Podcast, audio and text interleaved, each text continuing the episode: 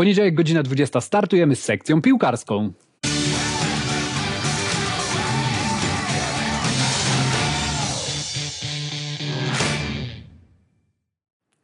Dominik Wardziechowski, kłaniam się nisko i zapraszam na kolejny odcinek sekcji piłkarskiej, a dziś zajmiemy się Legią Warszawa, która pewnie zmierza po Mistrzostwo Polski, a naszym gościem będzie trener Czesław Michniewicz. Zapytamy trenera, czy Legia już może świętować Mistrzostwo Polski, czy jeszcze są jakieś mecze, których obawia się w końcówce sezonu, co z transferami, co z walką o europejskie puchary i wrócimy też do wątku reprezentacji Polski. O tym wszystkim porozmawiamy z Czesławem Michniewiczem, a ze mną w studiu redaktor naczelny sport.pl Paweł Wilkowicz. Dobry wieczór. Dobry wieczór. Redaktor sport sport.pl, dziennikarz sport.pl, Konrad znaleźć. Wieczór.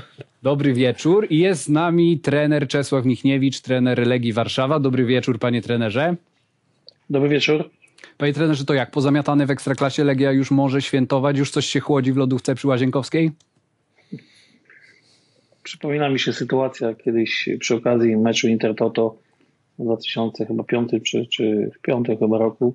Graliśmy z Lechem z Lens i była okazja poznać Joachima Marksa i mówi, że jego największy przyjaciel y, Gerard Ulie, świętej pamięci, zaprosił go kiedyś do Paryża przed dwoma ostatnimi meczami z Bułgarią i z Rumunią. Potrzebowali jednego punktu, żeby awansować chyba na Mistrzostwa Świata w tamtym momencie. I mówi, że miał założone nogi na stole, jak wszedł do niego do biura i mówi, zobacz, mówi Max, jestem pierwszym trenerem, który dwa mecze przed końcem już może być pewny awansu. Dawno tego sytuacji nie było. Skończyło się, że dwa mecze przegrali, nie pojechali na mistrzostwa. Pamiętam, że jedną z bramek chyba strzelił Kostadinow, Emil Kostadinow. Mam to w głowie cały czas i z dużą pokorą podchodzę do wszystkich takich stwierdzeń, że już jest coś przesądzone, już jest coś pewne i tak dalej. Tego samego wymagam od swoich zawodników, swoich współpracowników, że w piłce pewne jest tylko to, że nie ma nic pewnego i do końca trzeba o swoje walczyć. Właśnie przestrzega pan przed tym swoich piłkarzy, że są jeszcze tutaj ważne punkty do ugrania? Znaczy nie było okazji, bo po meczu w Gdańsku była wspólna radość, później posiłek na miejscu w szatni.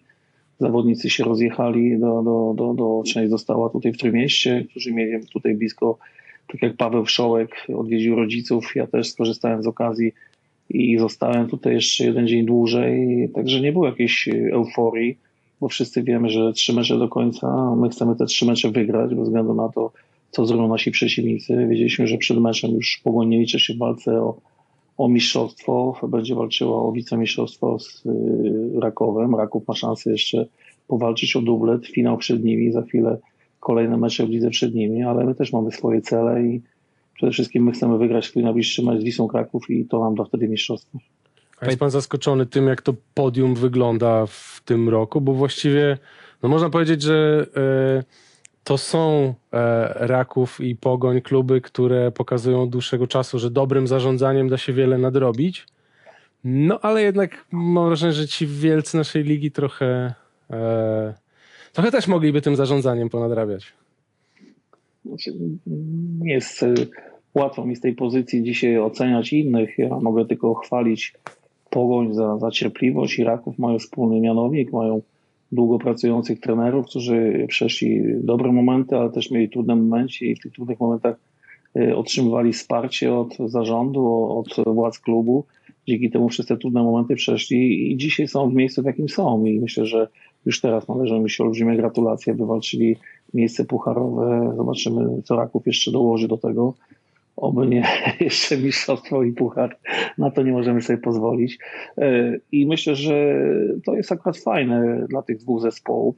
Oczywiście zawsze Lech jest jednym z faworytów do walki o czołowe pozycje. Dzisiaj jest w miejscu, którym jest. Warta jest z kolei rewelacją rozgrywek naszych, ale myślę, że za, za, za kilka miesięcy, kiedy rozpocznie się nowy sezon z nowym trenerem, Lech będzie się liczył w walce o mistrzostwo i myślę, że ich celem będzie przede wszystkim sukces na stulecie klubu i stąd też pomysł, myślę, z Maćkiem Skorżą. A co do pozycji innych zespołów, no myślę, że Piast miał trudny początek. Koronawirus, wiadomo jak czyścił skład, czyścił szatnie, dużo problemów kadrowych. Później jak zaskoczyli, to są jedne z najlepiej punktujących zespołów w ostatnim czasie, są blisko czołówki. Zagłębie też się jeszcze bije o to czwarte miejsce, które może dać puchary, ale ja tutaj siedzę z wami, rozmawiam w Gdyni i my tutaj wierzymy, że, że ten puchar jednak przyjedzie do Gdyni i to czwarte miejsce pucharów nie da. Zobaczymy jak to będzie. Jasne, Pan panie... mówił o, o trudnych momentach Kosty Runiaicia e, i Marka Papszuna, kiedy dostawali wsparcie. A pana najtrudniejszy moment w Legii? No, zanim rozpocząłem pierwszy trening, już te trudne momenty się pojawiały. Wiadomo, jak moja osoba była odbierana e, tutaj przez część kibiców e, w Warszawie, też e, moja rezygnacja z pracy z reprezentacją U21.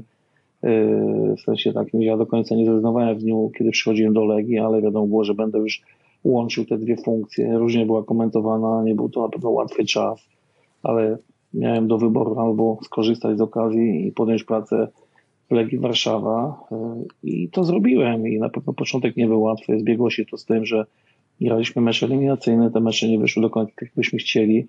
Krytyka była duża. Jednego dnia przegraliśmy dwa mecze. Mówię tutaj o U21 z Serbią i Superpuchę z Krakowią i na pewno atmosfera była napięta, ale wiedziałem, że sobie poradzimy, wiedziałem, że dokładnie co chcemy zrobić, jak chcemy zrobić i dlaczego. I z każdym tygodniem czułem się coraz swobodniej, coraz lepiej. Było to nowe środowisko, nowe otoczenie dla mnie, ale myślę, że zawodnicy też zobaczyli, co chcemy zrobić, jak i dlaczego. Dużo rozmawialiśmy z nimi, dużo pracowaliśmy nad sferą mentalną, podpowiadaliśmy, dlaczego robimy tak, a nie inaczej. I to trafiło na podatny grunt, stąd też później te mecze zaczęły się dobrze układać. Panie trenerze, to zanim jeszcze przejdziemy do tych kwestii transferowych, tego co będzie w Legii Warszawa, to chcieliśmy z panem zamknąć temat właśnie reprezentacji, który pan tutaj wspomniał, tej rezygnacji z U21. Pan żałuje trochę, bo jednak biorąc pod uwagę te decyzje Zbigniewa Bońka o zwolnieniu Jerzego Brzęczka w takim bardzo nieoczywistym momencie, no to gdyby pewnie pan był jeszcze w Polskim Związku Piłki Nożnej, no to to pan byłby głównym faworytem do odjęcia pierwszej kadry. Jest taki lekki żal w sercu? Nie, nie, tego żalu absolutnie nie ma, jeśli chodzi o y, osobę Jerzego Brzęczka i tutaj decyzję prezesa Zbigniewa Bońka. Jedyny żal, jaki mam, to to, że nie udało się wygrać z Serbią, nie udało się wygrać y, z Bułgarią, bo bym bardzo mile, zresztą mile wspominam tą pracę w reprezentacji, ale mógłbym wspominać ją z olbrzymi, olbrzymimi sukcesami, bo wywalczyć dwa razy awans na, na, na imprezę U21 to byłby olbrzymi, olbrzymi dla mnie olbrzymia nobilitacja Zabrakło finalnie jednej bramki. Zespół z Islandii nie musiał rozgrywać meczów przez koronawirus i dostał walkowery. I to zdecydowało, że jednej bramki nam zabrakło do awansu. I jedyna rzecz, której żałuję, to właśnie to. Oczywiście doceniam wszystko to, co stworzył mi związek, jakie możliwości rozwoju samego siebie, rozwoju moich piłkarzy, mojego sztabu dał nam związek, bo to był naprawdę europejski poziom, można powiedzieć. Wszystko było na najwyższym poziomie. Ja miałem wszystkie możliwości, żeby jeździć, uczyć się, rozwijać. Jako trener wykorzystałem maksymalnie te 3,5 roku, pracując z młodzieżą, ale też rozwijając siebie. Dzisiaj łatwiej mi pracować w takim klubie jak Legia, bo wiem, jak wygląda poziom europejski, do którego my zmierzamy jako klub. Ja funkcjonowałem na tym poziomie europejskim, rywalizowałem z tymi zespołami, to tylko piłka młodzieżowa, ale na Mistrzostwach Europy byli naprawdę świetni piłkarze, czy to z Włoch, czy z Belgii, czy z Hiszpanii i dzisiaj wiem, co to jest poziom europejski i te słynne international level, kiedyś powtarzane przez Leo Benhakera. No dzisiaj wiem, co miał na myśli. Wyszedł pan z drewnianych chatek. Zwłaszcza chyba Sebajosa będzie pan wspominał po tych młodzieżowych mistrzostwach. No i Sebajosa, i Ruisa, i, i jeszcze wielu, wielu innych, i Moise Kena, i Pellegriniego, mógłbym tak wymieniać, i Barachę dzisiaj, nie Barachę, przepraszam, nie Barachę, tylko środkowego pomocnika Interu Mediolan z Cagliari. Wypadł mi z głowy w Interze Mediolan, Bar- przeszedł za, Barella. za Barella, Barella, Baracha to mi bramkę strzelił na Atletico, to gdzieś tam z tyłu głowy też siedzi. Yy, tak, yy, na pewno będę wspominał, ale też dzisiaj, gdy często korzystam z meczów, które odbywają się zwłaszcza w włoskiej, bo fascynuje mnie ta liga, sposób pracy trenerów, sposób y, funkcjonowania drużyn. Często spotykam oglądając AS Rome, to trafiasz na Pellegriniego, oglądasz Juventus, trafiasz na zawodników, którzy grają przeciwko nam, Inter i tak dalej, i tak dalej. I przyjemnie się ogląda, podobnie z zespołami hiszpańskimi, że dużo fajnych wspomnień i ale jednocześnie mam świadomość tego, że dzisiaj w rozmowie z naszymi zawodnikami, mówię o Legii czy z władzami klubu, to też wiem, czego ja jako trener e, muszę oczekiwać, wymagać i, i czego, w jakim kierunku zmierzać, z jakim poziomem się tam zderzymy, walcząc o Europę. I dlatego wszystko, co e, jak gdyby ustaleń, w jakim kierunku pójdziemy przed nami. A to jeszcze wrócę do tego, bo trochę mi pan uciekł z odpowiedzią. Był taki telefon od Zbigniewa Bońka. Czesiu, gdybyś był w Polskim Związku Piłki Nożnej, to dzisiaj ty byś prowadził pierwszą kadrę? Nie, nie było takiego telefonu. Absolutnie było to olbrzymie zaskoczenie. Pamiętam, że decyzja o tym, że Jurek Brzęczyk przestaje pełnić funkcję selekcjonera, dowiedzieliśmy się w drodze y, na mecz w Dubaju. Akurat graliśmy z Dynamem Kijów i chwilę przed y, przyjazdem na boisko, na którym mieliśmy rozgrywać ten mecz, y, podało, ktoś podał informację, że Jurek Brzęczyk przestał być selekcjonerem. Za, za pół godziny graliśmy mecz. Miałem okazję porozmawiać z trenerem Luczesku. Jak gdyby nawet o tym nie myślałem. Nie, nie było takiej rozmowy absolutnie prezesem Bońkiem na temat tego, żebyś został, czy ewentualnie zostań, to będziesz następcą. Takich rzeczy nie było. A jak pan ocenia te decyzje Zbigniewa Bońka i ten moment y, ogłoszenia tej decyzji? Bo y, dużo się mówiło o stylach reprezentacji, o stylu pana reprezentacji, o stylu kadry Jerzego Brzęczka. Y, jak pan ocenia z perspektywy trenera taką decyzję Zbigniewa Bońka? Znaczy, może zaczniemy zanim o decyzji, o tych stylach. My y, zaistnieliśmy na 12 zespołowych mistrzostwach, bo tylko 12 krajów grało 11 i 12 gospodarz. Y, wywalczając sobie awans, musieliśmy pokonać y, Portugalię z João Felixem, z Fernandeszem i z wieloma świetnymi piłkarzami. Musieliśmy mieć na to sposób i myślę, że my jako nasza reprezentacja nie byliśmy faworytem w wielu meczach, a potrafiliśmy wygrywać z silniejszymi od siebie, z Duńczykami, którzy nie przegrali 11 lat w eliminacjach, czy, czy chociażby z wspomnianymi Portugalczykami. Po drodze byli Belgowie, e, byli też Włosi, gospodarz, który e, mówiło się, że złote pokolenie, ci, którzy zdobędą medal na igrzyskach od wielu, wielu lat. E, my potrafiliśmy z nimi rywalizować, mieliśmy swój plan. Oczywiście nie wszystkim się nasz sposób gry mógł podobać, ale ja jako trener wiedziałem, że w taki, a nie w inny sposób może nas ta gra zaprowadzić do, do celu, jakim było właśnie wyjazd na mistrzostwa i pokazanie się z najlepszej strony i praktycznie 5 minut nas e, dzieliło od wyjazdu, e, wyjazdu, niedoszłego wyjazdu na igrzyska, bo gdyby się lepiej mecze poukładały Belgii z Hiszpanią, to ten awans byłby. Kto by pojechał, to dzisiaj byśmy nawet nie wiem, jakby to wszystko miało wyglądać, ale do czego zmierzam? Bo w tym stylu, jak masz Lewandowskiego w drużynie, najlepszego piłkarza świata i wielu świetnych piłkarzy, którzy grają w Lidze Mistrzów na co dzień, to oczekiwania są inne. W pierwszej reprezentacji w większości spotkań jesteś w eliminacjach faworytem no i ludzie oczekują dzisiaj, no, oglądają się telewizji Ligi Mistrzów innych lig, oczekują, że, że ta gra będzie podobna na poziomie Bayernu czy, czy Juventusu, tak jak Szczęsny gra. I te oczekiwania są czasami no, troszeczkę na wyrost, bo nie da się zmontować w przeciągu trzech dni takiej reprezentacji na poziomie grającej Bayernu, Liverpoolu czy innych zespołów, e, bo, bo to wszystko wymaga czasu. I dzisiaj jak obserwuję mecze reprezentacji, to jako trener nie wyciągam żadnych nowości taktycznych z meczów reprezentacji, bo ich tam nie ma po prostu. Ich tam nie ma.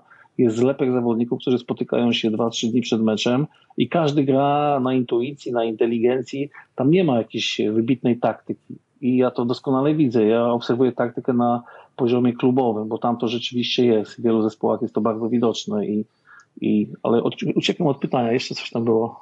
Tak, no jak pan ocenia w ogóle timing tej decyzji Zbigniewa Bońka? Czy to była dobra A, decyzja timing. w takim momencie, kiedy rep, tak de facto Jerzy Brzęczyk wykonał wszystkie zadania, które przed nim postawił Polski Związek Piłki Nożnej i prezes Zbigniew Boniek?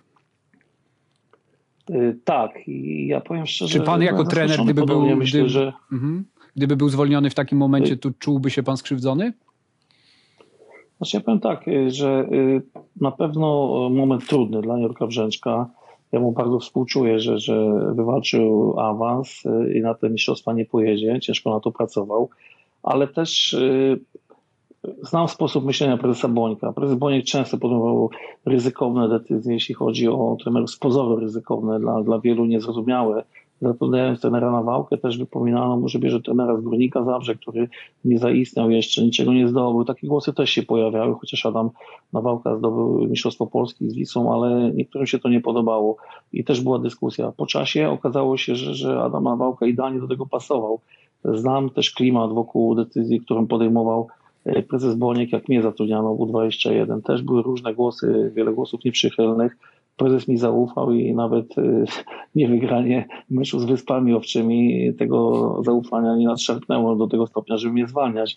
I skoro dzisiaj prezes podejmuje decyzję o tym, że na koniec swojej kadencji chce zmienić trenera, gdzie wcześniej nigdy nie zwalniał trenerów, no to z czegoś ta decyzja wynikała. Ja absolutnie nie odważę się tutaj wchodzić w buty prezesa i mówić, czy to było dobre, czy złe. Myślę, że na koniec niedługo się wszyscy o tym dowiemy. Jeśli reprezentacja y, wyjdzie z grupy, ma duże szanse, żeby wyjść z grupy, zawalczy o coś więcej, to wszyscy uznają, że jest ok. Jeśli tak się nie stanie, to oczywiście pojawią się głosy, że po to to było, jak efekt jest taki sam, być może Brzęczek, jak się mówi o jego szczęściu, żeby więcej ugrał.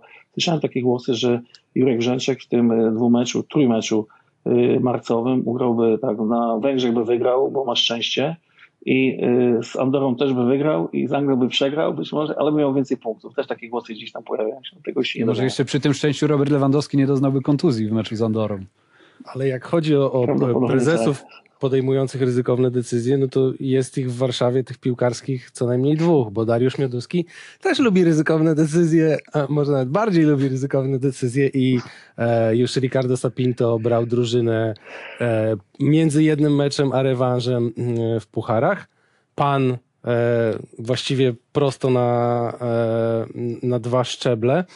E, I nie ma co ukrywać, jakby dla Legii zawsze tym momentem weryfikacji trenera jest pucharowe lato e, i zastanawiam się, na ile z tyłu głowy już od początku pan miał, że e, lato 2021 to jest moja e, stacja, nie wiem, w górę albo, Warszawa albo Wschodnia. wysiadka.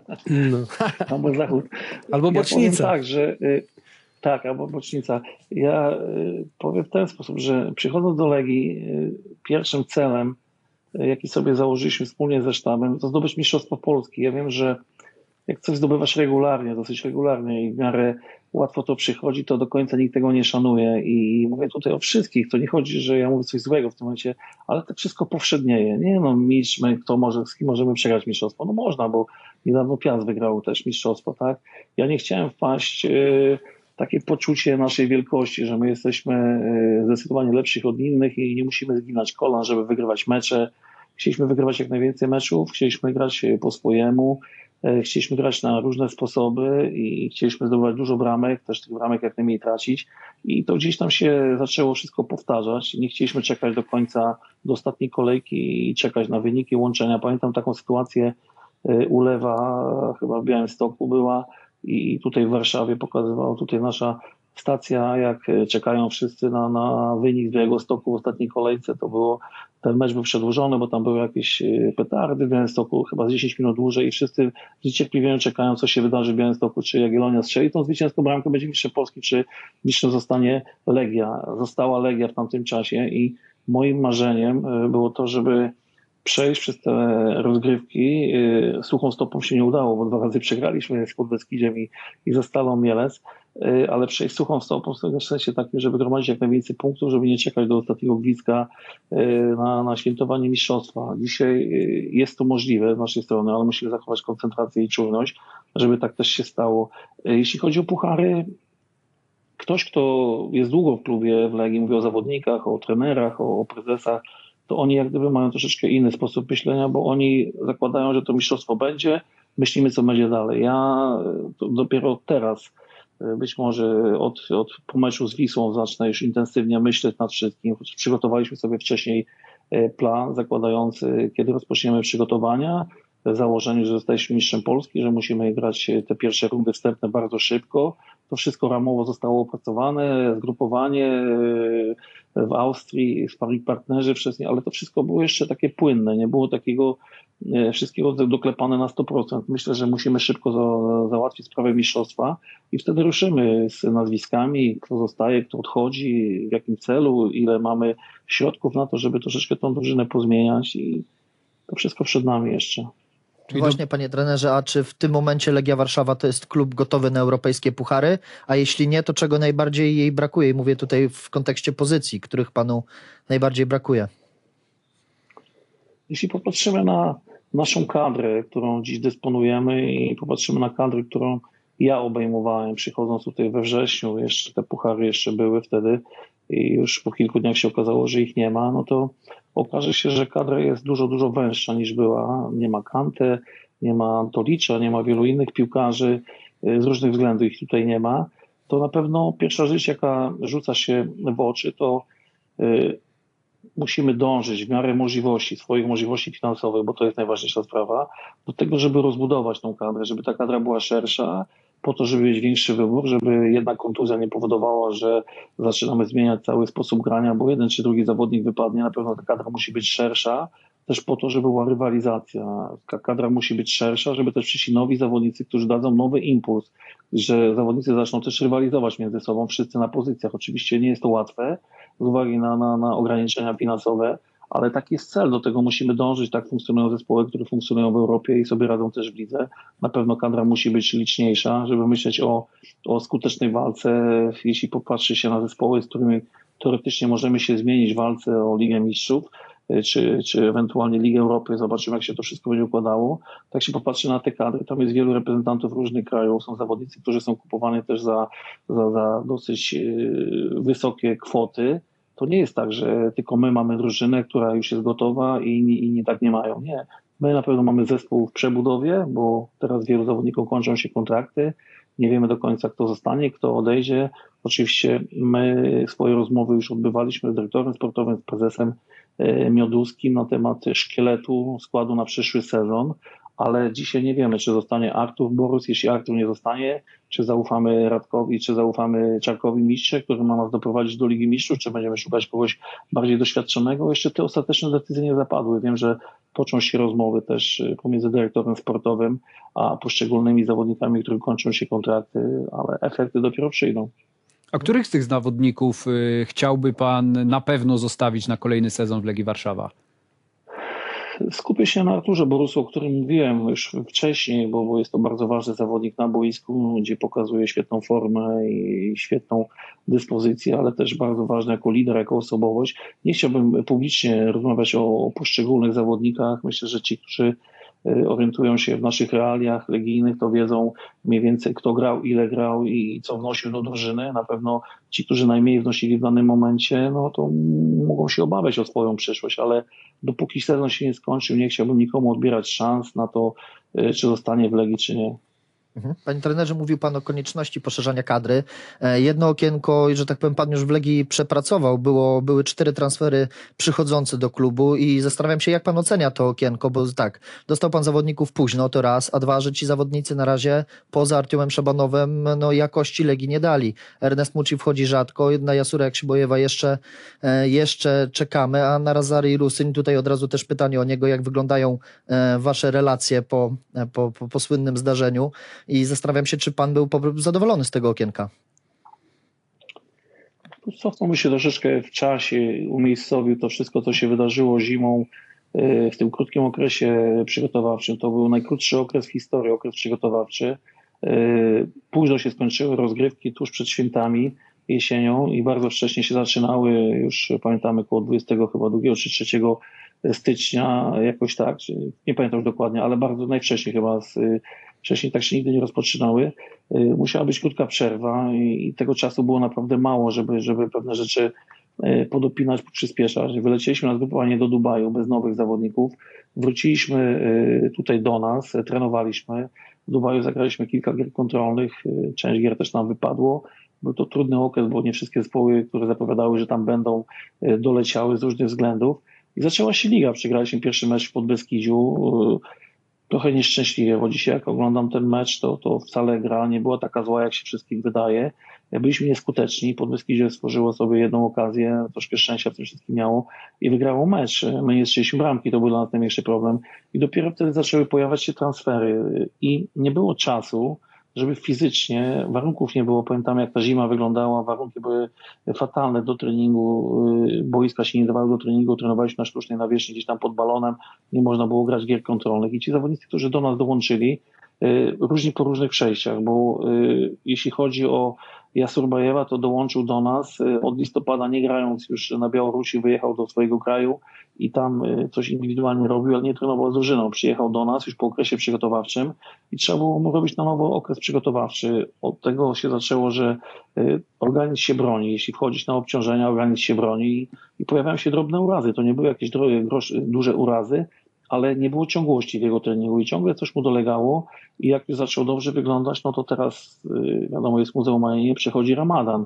Dodatkowy problem, jedziemy na mecz, na wyjazd do, do Zabrza, rozmawiałem z nim, to już było po tygodniu Ramadanu, on mi mówi, trenerze, mówi, ja nie pomogę drużynie, bo ja bardzo słabo się czuję, mówi, że teraz e, odczuwam te skutki ramadanu. Mecz był o 20.30 w Gliwicach, czyli praktycznie od rana, od 5 rano do 20 nic by nie zjadł i, i po prostu uczciwie powiedział, że, że on nie nam nie pomoże w tym meczu. Inna sytuacja była tutaj w Gdańsku, gdzie mecz był odpowiednio e, wcześniej i on się troszeczkę organizm zaadoptował do tego ramadanu.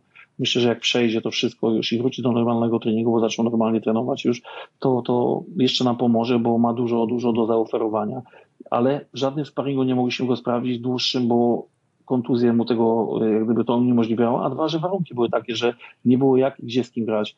Przykład Musiego. Musi przyjechał do nas jako jedyny zawodnik, który grał już, zagrał jeden czy dwa mecze w Albanii, ale też e, zderzył się od razu na początku z piłką naszą ekstraklasową, jaka ona by nie była, co by nie mówić o jej poziomie, no to jest piłka oparta w dużej mierze na fizyczności, na kontakcie, bezpośrednim kontakcie, na, na pressingu, na, na, na, na innych rzeczach. I on w Górniku, z Górnikiem Zabrze wszedł y, w mecz. Pamiętam, jak ten mecz wyglądał. Y, dużo pretensji było o takie czy inne decyzje sędziego, że dopuszcza do, do ostrej gry.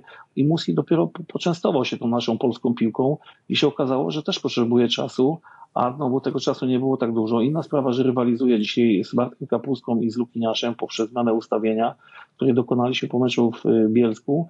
Rywalizuje dzisiaj z najlepszymi zawodnikami w całej lidze i jest mu ciężko wskoczyć. Nie każdy mecz się tak układa, że wynik jest bezpieczny i wtedy zrobimy sobie zmiany, kogo chcemy, wpuszczamy, promujemy, dajemy szanse, pomagamy i tak dalej, ale no, nie wszystkie mecze się tak układały. Jeśli chodzi o y, dwóch Ukraińców, to Szybko skoczył Szamanow do składu, miał dobre momenty, miał też gorsze momenty, jak pamiętamy w meczu z Piastem, ale generalnie to byliśmy bardzo z niego zadowoleni, bo dał nam tą opcję, którą chcieliśmy, czyli lewego e, obrońcę w trójce grającego z lewą nogą i to nam bardzo, bardzo e, pomagało. Później przytrafiła się kontuzja pechowa, bo Mateusz Wyteska e, spadł mu na kostkę, okazało się, że już więcej nie zagra. Co do Rusyna, na samym początku, jak przyszedł do nas Rusyn, powiedziałem mu, że będzie rywalizował z y, prawdopodobnym królem strzelców naszej ekstraklasy, bo Pekrat już miał taką dużą przewagę nad pozostałymi, że nie odbieram mu szans, ale musi być uzbroić się w cierpliwość, że nie w każdym meczu będzie miał okazję zagrać. No i już po pierwszym meczu, gdzie pojechał z nami na wyjazd do Zabrza, pojechał jako ten 21 zawodnik, bo dopiero pod koniec tygodnia został oficjalnie zatwierdzony. Był zawiedziony, że nie znalazł się w 20 Yy, na to spotkanie. Później z nim rozmawiałem po powrocie, powiedziałem mu jeszcze raz, powtórzyłem, że musi o swoje walczyć i tak dalej, że nie posadzę kogoś na trybunach, kto z nami trenował od początku, od stycznia i był na każdym treningu, tylko dlatego, że przyjechał Rusyn z Dynama Kijów i potrenował jeden trening i od razu skoczy do dwudziestki. No i od razu te relacje były takie, yy, powiedziałbym, chłodne, Kwaśnie. bo mhm. ja powiedziałem, jaka, jaka jest jego sytuacja realna w klubie. Y, nie wiem, mówię, co ci obiecał menadżer, nie znam twojego menadżera. Y, być może ty przychodząc z Dynama Kijów liczyłeś, że będziesz pierwszym wyborem. Ja nigdy z tobą w ten sposób nie rozmawiałem, bo po prostu ciebie nie znałem wcześniej i, i tyle. No i on dzisiaj y, odmówił gry w meczu rezerw, przy, który, przy okazji któregoś meczu. No i zrobił się problem. Drużyna to widzi, skoro idzie grać w rezerwach Igor Lewczyk, który już wiele w piłce osiągnął, wiele zrobił dla drużyny, dla Legii i, i po kontuzji wraca i chętnie gra na sztuczne nawierzchnie, a Rusyn powiedział, że on nie będzie e, grał, no to musieliśmy podjąć decyzję i od tamtej pory trenuje z drugą drużyną. Mówiliśmy, że po dwóch tygodniach usiądziemy, będziemy z nim rozmawiać, ale te dwa tygodnie przypadły akurat na to, że we wtorek już wyjechaliśmy do Gliwic, za chwilę był mecz w Gdańsku i praktycznie nie miałem z nim kontaktu. Jestem w kontakcie tylko tyle, co go widzę na treningu rezerw, bo to wszystko się odbywa u nas w LTC i stały kontakt mam z trenerem. Nie wiem, jaki będzie jego przyszłość, nie wiem, jak to będzie wyglądało. Dodatkowe ograniczenie jest takie, że w meczu rezerw może grać tylko jeden zawodnik spoza Unii. Mamy młodego Macenkę, który też ma ukraiński paszport, środkowy obrońca. Jak Macenko gra, to automatycznie nie może grać Rusyn, bo jedno wyklucza drugie. Jeszcze jest jeden zawodnik spoza Unii, ale akurat jest kontuzjowany. A widział pan tak? jest, kończąc temat Rusyna, on jest wypożyczony do Legii do końca sezonu. Pan sobie wyobraża jeszcze współpracę z tym zawodnikiem? Ja może, przepraszam, ja zapalę światło, bo widzę, że tak trochę się zaciemniło. Telewizja na żywo, telewizja na żywo. Świat, światło Telewizja nadziei dla Rusyna. Światło nadziei dla Rusyna, tak. tak, tak. tak. Nie jest stanie nadzieja. się jasność. O, nie, okazało się, że to jednak pociąg jest. Tak. tak. Wyobraża sobie pan współpracę z Rusynem, bo ten zawodnik jest wypożyczony do końca, do końca roku kalendarzowego. Czy jednak nie będzie pan zainteresowany, żeby on w kadrze został? Znaczy ja powiem tak, że y, ja nie skreślam ja, y, żadnego zawodników. Ja już przeżyłem w swoim życiu różne historie, różne sytuacje. Ja się nie obrażam na rzeczywistość. Istotne jest to, żeby zawodnik zrozumiał, jaka jest hierarchia w klubie, kto za co odpowiada, kto podejmuje decyzje. Nie może być tak, że to zawodnik będzie decydował, kiedy będzie grał, u kogo będzie grał i ile minut, bo takiej sytuacji na pewno nigdy nie będzie tutaj w Legii i żadnym innym polskim klubie, bo żaden trener i nikt z władz sobie na to nie pozwoli. Myślę, że on przede wszystkim musi zaakceptować, że e, trafił do klubu, gdzie jest rywalizacja, trafił do klubu, który chce grać w Europie. Jeśli on sportowo będzie chciał nam pomóc, to sprawa nie jest jeszcze przesądzona dla mnie, ale nie wiem na ile on chce tu zostać, na ile ma plany, żeby być w Polsce, być w Legii, być może będzie szukał innych rozwiązań. Nie wiem, nie chcę przesądzać, bo po prostu nie rozmawiałem z nim na ten temat. A dotarły do pana te wiadomości brata Rusyna, które on gdzieś wypisywał na Instagramie po tym odesłaniu do rezerw? Tak, dotarły, bo, bo syn Mateusz gdzieś tam się e, spotkał król, król Twittera. Ja nie, tak, niestety. Ja e, nie śledzę tego, ale podesłał mi, zresztą chwilę później podesłała też nasza pani rzecznik Iza e, Kruk, podesłała właśnie to samo, bo też to wszystko śledzi z racji tego, że zajmuje się mediami, internetem i po prostu rozmawialiśmy na ten temat. Ja myślę, że na pewno nie pomaga tu jemu, jeśli brat, chyba to nie jest taki zwykły brat, tylko jakoś tak cioteczny, czy jakoś tak, mhm. Y, zachowuje się w taki czy inny sposób, bo, bo taka presja i takie słownictwo to na pewno nie pomaga jemu, ale też y, zraża innych do siebie, bo ci, którzy na co dzień trenują w klubie, każdy może mieć swoje zdanie na temat swojego szefa przełożonego czy kolegi, ale takie publiczne nazywanie kogoś idiotą, durniem czy coś, no to, to nikomu nie pomaga. Rozumiem, że to bzdury, że, że piłkarze nie przychodzili do pana z y, pretensjami, to, to co on wypisywał, to, to nie jest y, prawda. Proszę zapytać piłkarzy, no nie chcę mówić za nich, ale ja się z taką sytuacją w Legii nie spotkałem. Wystarczy oglądać y, kulisy nasze po każdym meczu i widać jaka jest atmosfera, jaka jest wzajemna sympatia między zawodnikami a mówię, ktoś przychodzi i chce że wejść w życie klubowe, na nasze życie klubowe, na swoich zasadach i te zasady nie do końca są akceptowane przez nas, to, to ma z tym problem. To nie my mamy problem z Rusynem, tylko Rusyn ma problem z nami. To teraz krótki przerywnik może po tych, e, po tych gorących dyskusjach, zanim zapytamy, co z planami transferowymi, czy jest już lista transferowa, kogo pan by chciał sprowadzić, czy jest może kilku piłkarzy w Ekstraklasie, którzy mogą e, dołączyć do Legii Warszawa, to jeszcze e, posłuchajmy rozmowy Dawida Szymczaka z Maciejem Sawickim, sekretarzem generalnym Polskiego Związku Piłki Nożnej o tym, gdzie Polacy mogą stacjonować podczas Mistrzostw Europy rozpatrujemy dwa czy trzy ośrodki, które mamy na wybrzeżu.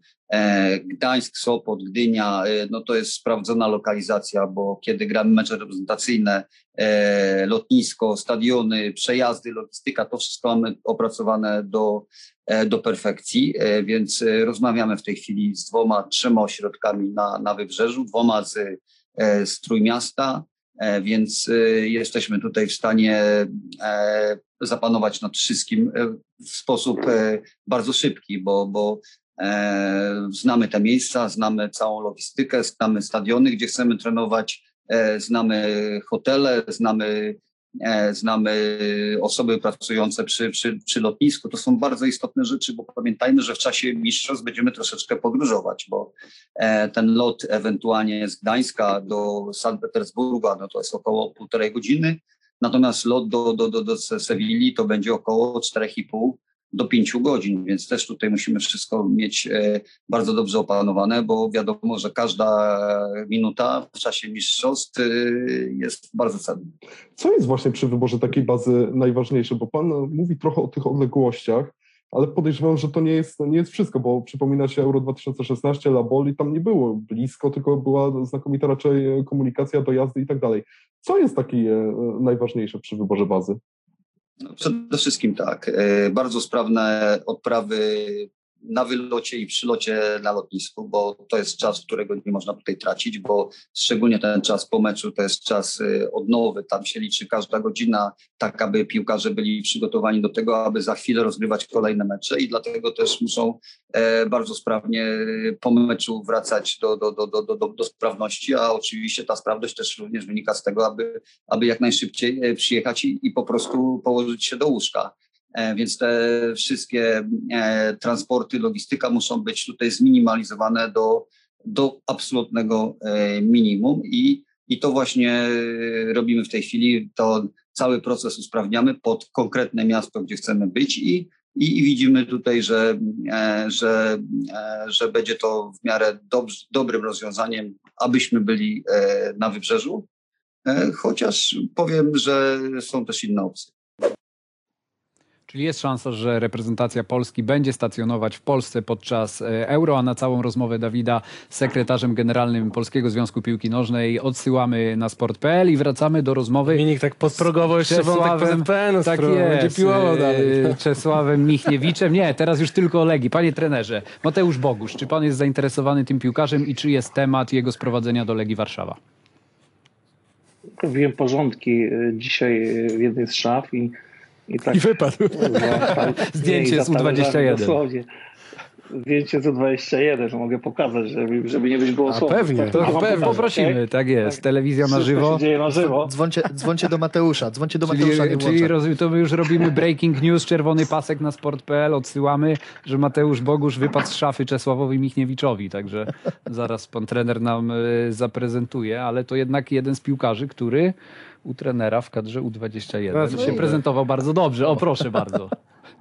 I to nie jeden, nie jeden wypad. Czterech jest, tak, tak, tak. Także e, na pewno to jest zawodnik, e, ja lubię tego typu piłkarzy, bo to jest zawodnik, który ma e, świetne umiejętności techniczne, ma zmysł do gry kombinacyjnej, przeszedł olbrzymią pracę z trenerem Bielsą, jeśli chodzi o sposób poruszania się po boisku, rozwiązywanie sytuacji i ja bardzo często korzystam z materiału, który mam na podstawie treningów z reprezentacji U21 czy meczów i pokazuje zachowania Bogusza, Bogusza jako wzór. To jest e, czystej postaci trener Bielsa, zachowania jego, to jest nic innego jak Leeds United i my też chcemy jako Legia grać taką piłkę, gdzie zdobywamy przestrzeń, gdzie nie gramy piłki do nogi. Ja to mówiłem od początku, że potrzebuje biegających zawodników. Legia jesienią najlepsze mecze grał, grał Kapuska w środku z e, Karbownikiem bo wszyscy szukali wolnej przestrzeni, zawsze można piłkę zagrać do przodu i takiego typ zawodników szukamy. I Mati jest takim zawodnikiem. Nie ukrywam, że chciałbym, żeby był z nami tutaj w Legii, ale też zdaję sobie sprawę, że może się okazać, że to jest transfer mało realny, bo Bielsa nie chciał się zgodzić na wypożyczenie Mateusza do Hiszpanii. E, chce bardzo, żeby wrócił do klubu, widzi w nim przyszłość i i może być olbrzymi problem, ale tego typu piłkarze o olbrzymich umiejętnościach, e, też z umiejętnością strzelania bramek, bo Mateusz umie strzelać bramki, ma świetny stary fragment gry, to są zawodnicy, do tego jeszcze polski paszport, co też rozwiązuje problem i młodzieżowca, ale też e, na przyszłość, że, że jeśli by się udało takiego piłkarza sprowadzić i mieć jakąś opcję pierwokupu, to jest na pewno zawodnik, który jeszcze będzie wyjeżdżał za granicę, o ile by wrócił do polskiej ligi, ale to jest tak odległa sprawa, że, że, że na dzisiaj yy, dawałbym kilka procent szans na to, że to się uda. A jakby pan miał przekonywać Bielsę i z ręką na sercu go zapewnić, że będzie miał Bogusz dobre warunki do rozwoju w Ekstraklasie, to pan położył na sercu, bo trochę bym się bał. Patrząc na Lukiniasa... I... Mateusz y, już jest jakiś czas y, pod okiem Bielsy. Się bardzo dużo nauczył. On go zabierał na, na ławkę, gdzieś tam nawet dał mu szansę pograć kilka minut, ale cały czas y, zwracał na niego uwagę. Za pierwszym razem, kiedy Mateusz chciał odejść z klubu, chciał pójść na wypożyczenie do Charltonu, to wszedł do pokoju Bielsy, on nigdzie o tym nie mówił, chylę troszkę rąbka tajemnicy, wszedł do pokoju Bielsy i pies zapytał, co chcesz, a on mówi, że chce iść na wypożyczenie, odwróć się i kopnął go w tyłek i mówi więcej do mnie nie przychodź w takich sprawach. Także następnym razem, jak już załatwiał ten transfer do, do Hiszpanii, to załatwiał przez asystenta Bielsy, bo już... Myślałem, że tyłem wszedł od razu. nie, nie, nie, nie. Także taki jest Bielsa, ale myślę, że to jest piłkarz, który gdyby wrócił do polskiej ligi, to wzorem Bartka Kapustki myślę, że też miałby w niedługim czasie okazję pokazać się selekcjonerowi naszemu i myślę, że tacy piłkarze wpadają w oko i to jest chłopak, który jak zacznie regularnie grać, musi poszukać sobie miejsca. Myślę, że Legia z racji tego naszych aspiracji, możliwości, ale też sposobu gry i też znajomości z nim, bo nie ukrywam, że jestem z nim w kontakcie, rozmawiam dosyć często, yy, jemu by pasowało tutaj. Z tym, że mówię, dużo jest ograniczeń, wiele klubów angielskich. Tak było w przypadku Krystiana Bielika, który kiedyś miał też przyjść do Legii. Arsenal się final, finalnie nie zgodził. Wolą dać zawodnika do, na trzeci poziom angielski, do League One nawet, niż y, wypuszczać zawodnika do, do, jak gdyby do innej cywilizacji, że tak powiem, bo no, traktują nas tak, jak traktują. Nasze miejsce w Europie jest w tym miejscu, w którym jest i, i nikt poważnie nas nie traktuje niestety i przez to też te wypożyczenia są bardzo trudne do zrealizowania.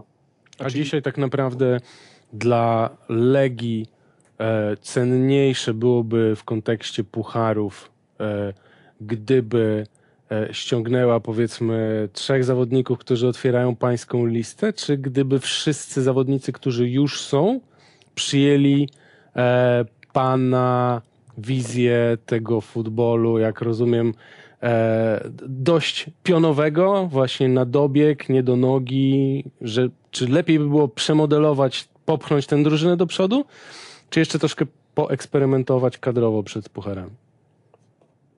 Czy ja e, zapytam o początek e, pytania, bo w międzyczasie Łukasz Zwoliński odpisał, rozmawialiśmy poza anteną o Łukaszu Zwolińskim, że wyczytałem, że ma kontuzję i napisał mi przed momentem, że w trzech ostatnich meczach nie zagra, pęknięte ósme żebro, dziewiąte lekko wgnieciane, także To kolejny breaking do poszedłem trenera w tym- Michniewicza. Na, na pasek, na Na pasek. Na pasek. Chciałbym o początek tego pytania, bo końcówkę Chodzi słyszałem. o to, czy dla- czy dla Legii- czy dla Legii Tak. e, przed pucharami e, więcej zmieniłoby, gdyby na przykład pan mógł e, wprowadzić do kadry trzech piłkarzy, którzy otwierają pańską listę życzeń? Czy żeby wszyscy, którzy już są w kadrze, poszli za pana wizją i grania tego pionowego jak najbardziej, na dobieg, nie do nogi? No i też ich, jak rozumiem, wydolność na tym nadążyła, bo to też jest taki refren. Nie, nie było ostatnio wielu pana wywiadów, ale, ale właściwie regularnie się pojawiało takie marzenie, żeby przenieść intensywność na wyższy poziom. To jest realne? Jest to realne, ale y, tego się samym treningiem nie zrobi. Po prostu trzeba brać zawodników z olbrzymim potencjałem i takim zawodnikiem jest y, m.in. Mateusz Bogusz, potencjał motoryczny, czyli tak, bardzo dobra wytrzymałość, bardzo dobra szybkość, tak jak w przypadku Łukasza Piczka. Łukasz zrobił karierę w Bundeslidze, bo miał te cechy na światowym poziomie. Zawsze to będę przypominał, profesor Chura go przebadał w Zagłębiu Lubin i nie wierzył, że ktoś taki może być, bo z reguły był Robert Kolendowicz, który był bardzo szybki, ale niestety wytrzymałość była na niskim poziomie i potrzebował po każdym sprincie, po każdej akcji dużo czasu na odpoczynek. Łukasz tego odpoczynku nie potrzebował, stąd gra do teraz w Bundeslidze. Bogusz jest też tego typu zawodnikiem. Ja nie mam dzisiaj y, upatrzonych trzech, czterech zawodników z Europy i, i takiej listy zawodników, żebym powiedział, że proszę panie prezesie, proszę tego, tego czy tamtego zawodnika. Jest kilka nazwisk, które gdzieś tam y, przez scouting się przewijają, ale jest wiele, wiele zmiennych, żeby, żeby ostatecznie ci zawodnicy do nas przyszli.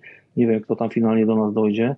Zdaję sobie sprawę, że tego czasu będzie bardzo mało na wkomponowanie tych nowych zawodników. Każdy tydzień okresu przygotowawczego, gdzie nie będzie nowych zawodników od początku, będzie działał na naszą szkodę. Do tego dołożymy, że nie wszyscy zawodnicy, którym kończą się kontrakty, zostają, czyli praktycznie będzie drużyna od nowa budowana. Wierzę w to, że ten trzon zostanie, że wszyscy ci najważniejsi zawodnicy zostaną, ale nie wiemy, jak się potoczą losy tych najlepszych piłkarzy. Mladenowicz rozgrywa sezon życia, ma fantastyczne liczby. Juranowicz jedzie na Mistrzostwa Europy w reprezentacji wicemistrzów świata, może tam zabłysnąć. Pekart jest królem strzelców. E, Rynek dyktuje warunki, nie wiem, co zawodnicy, jakie mają plany. Wcześniej e, jak rozmawialiśmy, to wszyscy deklarowali, że oczywiście każdy chce tutaj zostać, ale mówię, to się wszystko w życiu tak szybko zmienia, dlatego musi być przygotowanie na, na różne warianty. Dzisiaj możemy mówić, że potrzebujemy taką czy inną pozycję. Ja czekając chwilę na waszą rozmowę, e, będąc tu w domu, rozpisałem sobie pewne, pewne ustawienia, które preferujemy, które bardzo często zmieniamy i też pokolorowałem. Te kolory to są miejsca, gdzie, może za dużo nie będę pokazywał, ale to są miejsca, gdzie y, będziemy potrzebować większej rywalizacji albo zawodnika y, już na konkretną pozycję jednego do grania, drugiego do rywalizacji, także y, Screeny dużo- nie płoną. pracy przed nami. Wrócimy do tego. Tak. Tak, to już będzie Ale po Twitterze tak hulało. rozmyte. A czy środek obrony, panie trenerze, to jest taka pozycja, na którą teraz Legia ma największe zapotrzebowanie? Myślę, że y, ja znam opinię wielu osób na temat y, obrońców Legii. Dostawało się Arturowi Jędrzejczykowi, dostawało się Igorowi czy Mateuszowi Wietesce, bo to oni najczęściej występowali na, na środku obrony, ale ja dzisiaj oceniając y, postawę tych, którzy grają, Artur Jędrzejczyk miał słabszy moment ze Stalą Mielec, zrobił rzuty karne, podobnie jak Mateusz Wieteska, ale dzisiaj gdybym miał kogoś wyróżnić, jeszcze runda się nie skończyła, to Artur Jędrzejczyk od momentu, kiedy dostał tą żółtą kartkę i pauzował, gra w każdym meczu bardzo dobrze. Jakby się tak przyjrzeć jego grze, to gra naprawdę fantastycznie. Lepiej mu się gra po prawej stronie niż po lewej, naturalnie, bo to jest zawodnik prawonożny. Podobnie jak Mateusz Wieteska. Mateusz Wieteska y, nie ma w Polsce takiego stopera. y, Być może Szatka jest takim zawodnikiem w Lechu Poznań, który tak swobodnie operuje piłką. Może dlatego, że Mati kiedyś był napastnikiem. Podobnie zresztą jak e, Hołownia przychodził do Legii jako napastnik. Wieteska był napastnikiem, Hołownia był napastnikiem, a dzisiaj grają na pozycji środkowych obrońców, którzy mają swobodę z piłką przy nodze, bo nasza gra zaczyna się od obrońców. My dużo ryzykujemy, grając na 20, na 30 metrze, czasami nawet w polu karnym z Arturem, rozgrywając tą piłkę, ale właśnie w taki sposób chcemy budować swoje akcje, podania, bezpieczne podania, wychodzenie na pozycję i potrzebujemy zawodników, którzy mają komfort z piłką przy nodze, że żeby nie było jak w tej grze, że piłka parzy, rzucasz komuś i grasz w kolorze, mówisz czarny czy czerwony i ta piłka parzy, nikt nie chce jej łapać. I Mateusz dużo ryzykuje, ja chcę, żeby on ryzykował i czasami mu jakieś podanie nie wyjdzie, ale na, nawet na 8, na 10 podań, jak jedno podanie nie wyjdzie, to nie robimy z tego tragedii. Chcemy, żeby w ten sposób grali. Uważam, że ci nasi obrońcy y, zdają egzamin. Oczywiście ważna jest też konkurencja, bo w przypadku dzisiaj mówimy o Legii, która ma trzy kolejki do końca, 9 punktów przewagi nad Pogonią i 10 i jeden mecz zaległy, wiadomo, Raków. Ale mamy sytuację, Wieteska jest zagrożony, kartka kolejna, kolejna go eliminuje, podobnie Jędrzejczyk, podobnie Slisz i podobnie Lopez i podobnie y, Pekard. Pięciu zawodników przy każdej kolejnej kartce wypada i potrzebujemy głębie składu. I ja nie mówię, że dzisiaj potrzebujemy kogoś za Mateusza Wieteskę, czy za Jędzę, czy za, bo akurat o obrońcach rozmawiamy. Potrzebujemy głębie składu, że w przypadku kontuzji, czy ewentualnie nieszczęść typu kartka, mamy zawodnika, który wchodzi i będzie grał na podobnym, a może czasami wyższym poziomie od tych, którzy są. Ale oczywiście to wszystko kosztuje, bo y, kupujesz y, dwa dobre konie, na jednym jedziesz, drugi nie w tym czasie jest nieużywany. Tak, tak samo z zawodnikami jest, że niektórzy się nie godzą na taką sytuację, że przychodzi do klubu i nie jest pierwszy wybory. Niektórzy chcą mieć zagwarantowane, no nieformalnie zagwarantowane, że on tu będzie grał. No i to jest problem dla nas. Panie trenerze, jak już byliśmy przy środkowych obrońcach, bo kibice dopytywali o jedno nazwisko, Ariel Mosur, e, ten, ten młody zawodnik, który nie gra e, w pierwszej drużynie. Chciałem zapytać, jakie jest pańskie, pańska opinia na, na temat tego zawodnika i na przykład, co ma Mateusz Hołownia, czego nie ma Ariel Mosur, że jeden gra, a drugi e, nie znajduje się w pańskiej kadrze. Myślę, że wystarczy prześledzić po prostu, co się działo z Arielem Mosurem od początku, od stycznia, kiedy zaczął z nami trenować. Wchodzi w jedną kontuzję, leczył się, wchodzi w drugą kontuzję. Praktycznie dopiero teraz zagrał pierwszy mecz ligowy, teraz w sobotę. Mecz ligowy przegrany z Jagiellonią drugą, tutaj u nas w LTC, dopiero zagrał mecz, tak cały czas się leczył.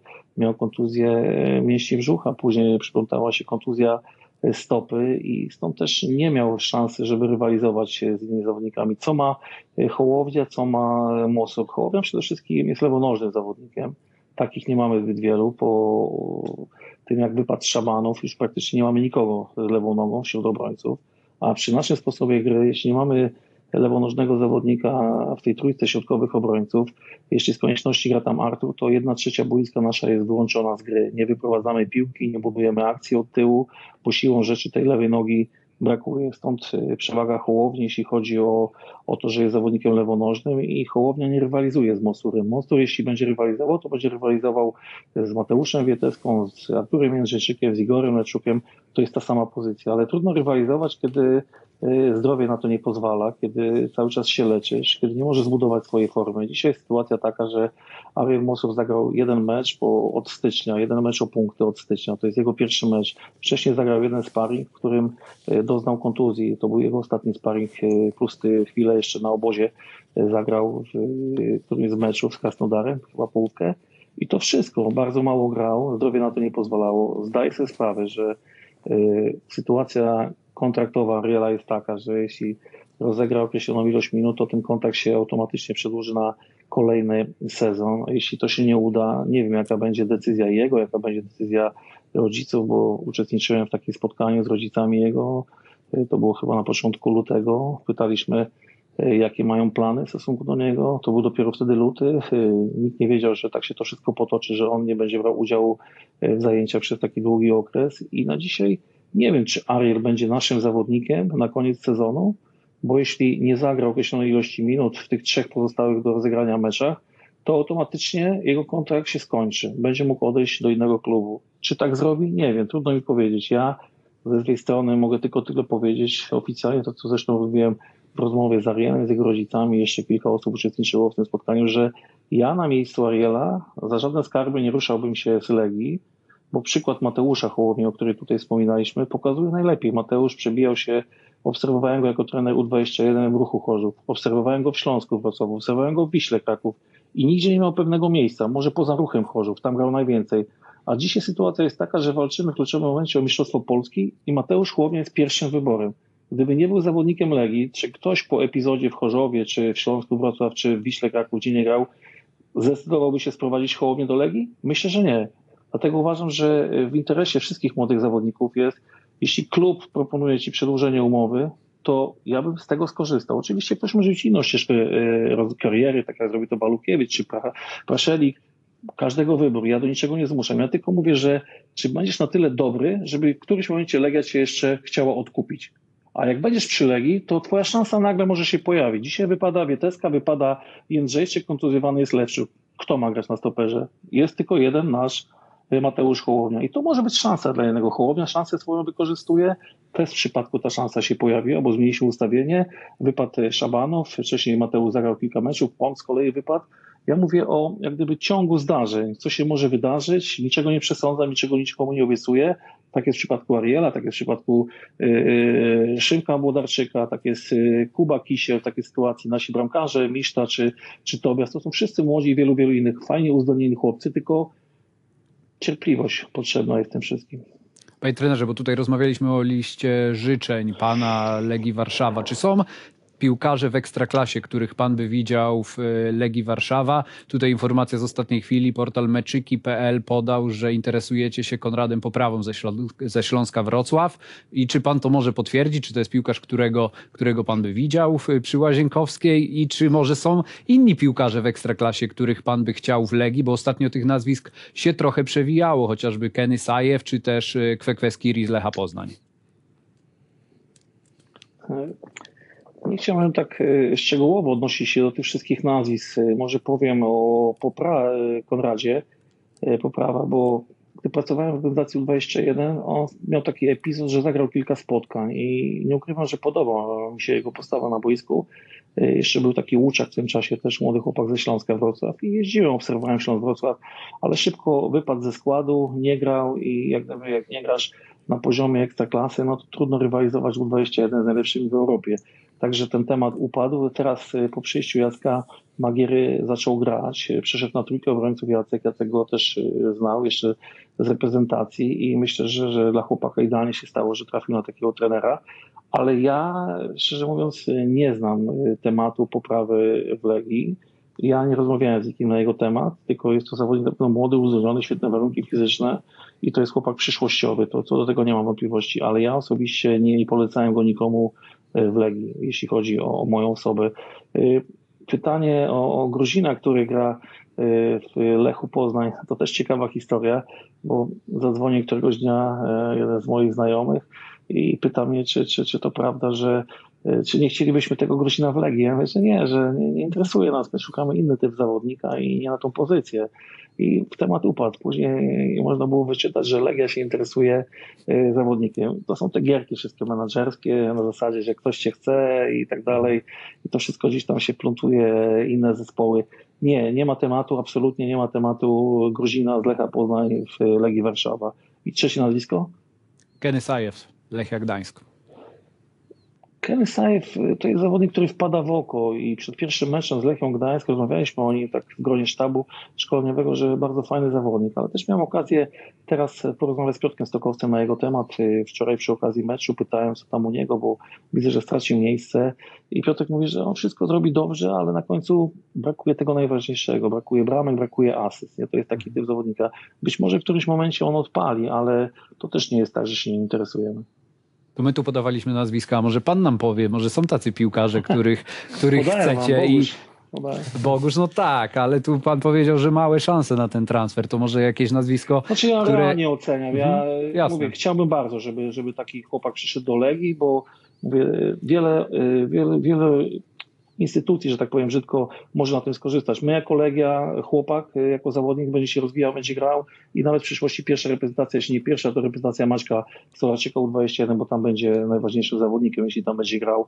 Y, Nie ma jeszcze takiej listy, ja bynajmniej nie mam takiej listy. Wiem, że y, nasi, nasi ludzie ze scoutingu pracują, wyrzucają różne nazwiska na ten przysłowiowy bęben, przeglądają i tak dalej. Myślę, że łatwiej będzie rozmawiać, jak już wszystko będzie wyjaśnione. E, Jak, myślę, że dużo do tego nie brakuje, chcemy to zrobić jak najszybciej. Wtedy też łatwiej będzie się rozmawiało z potencjalnymi zawodnikami, ale ja umówiłem się z dyrektorem Radkiem Kucharskim w ten sposób, że nie chcę oglądać 20 zawodników, y, kto mógłby do nas przyjść, jak szanse na to, że przyjdzie ten czy tamten y, są niewielkie. Chciałbym dopiero na koniec, jak już zostanie zrobiona taka wąska lista, że albo ten, albo ten, to chciałbym się dopiero włączyć w tą e, dyskusję, czy chciałbym tego, czy innego zawodnika. Dzisiaj jeszcze na razie ta lista jest dosyć szeroka. Oczywiście były pytania o zawodników, którzy mi się podobali. Nie ukrywam, że, że jak rozmawiałem z prezesem Joduskim, z którym regularnie się spotykamy, dzisiaj miało być spotkanie, ale odwołaliśmy, bo, bo, bo zostałem w domu jeden dzień dłużej.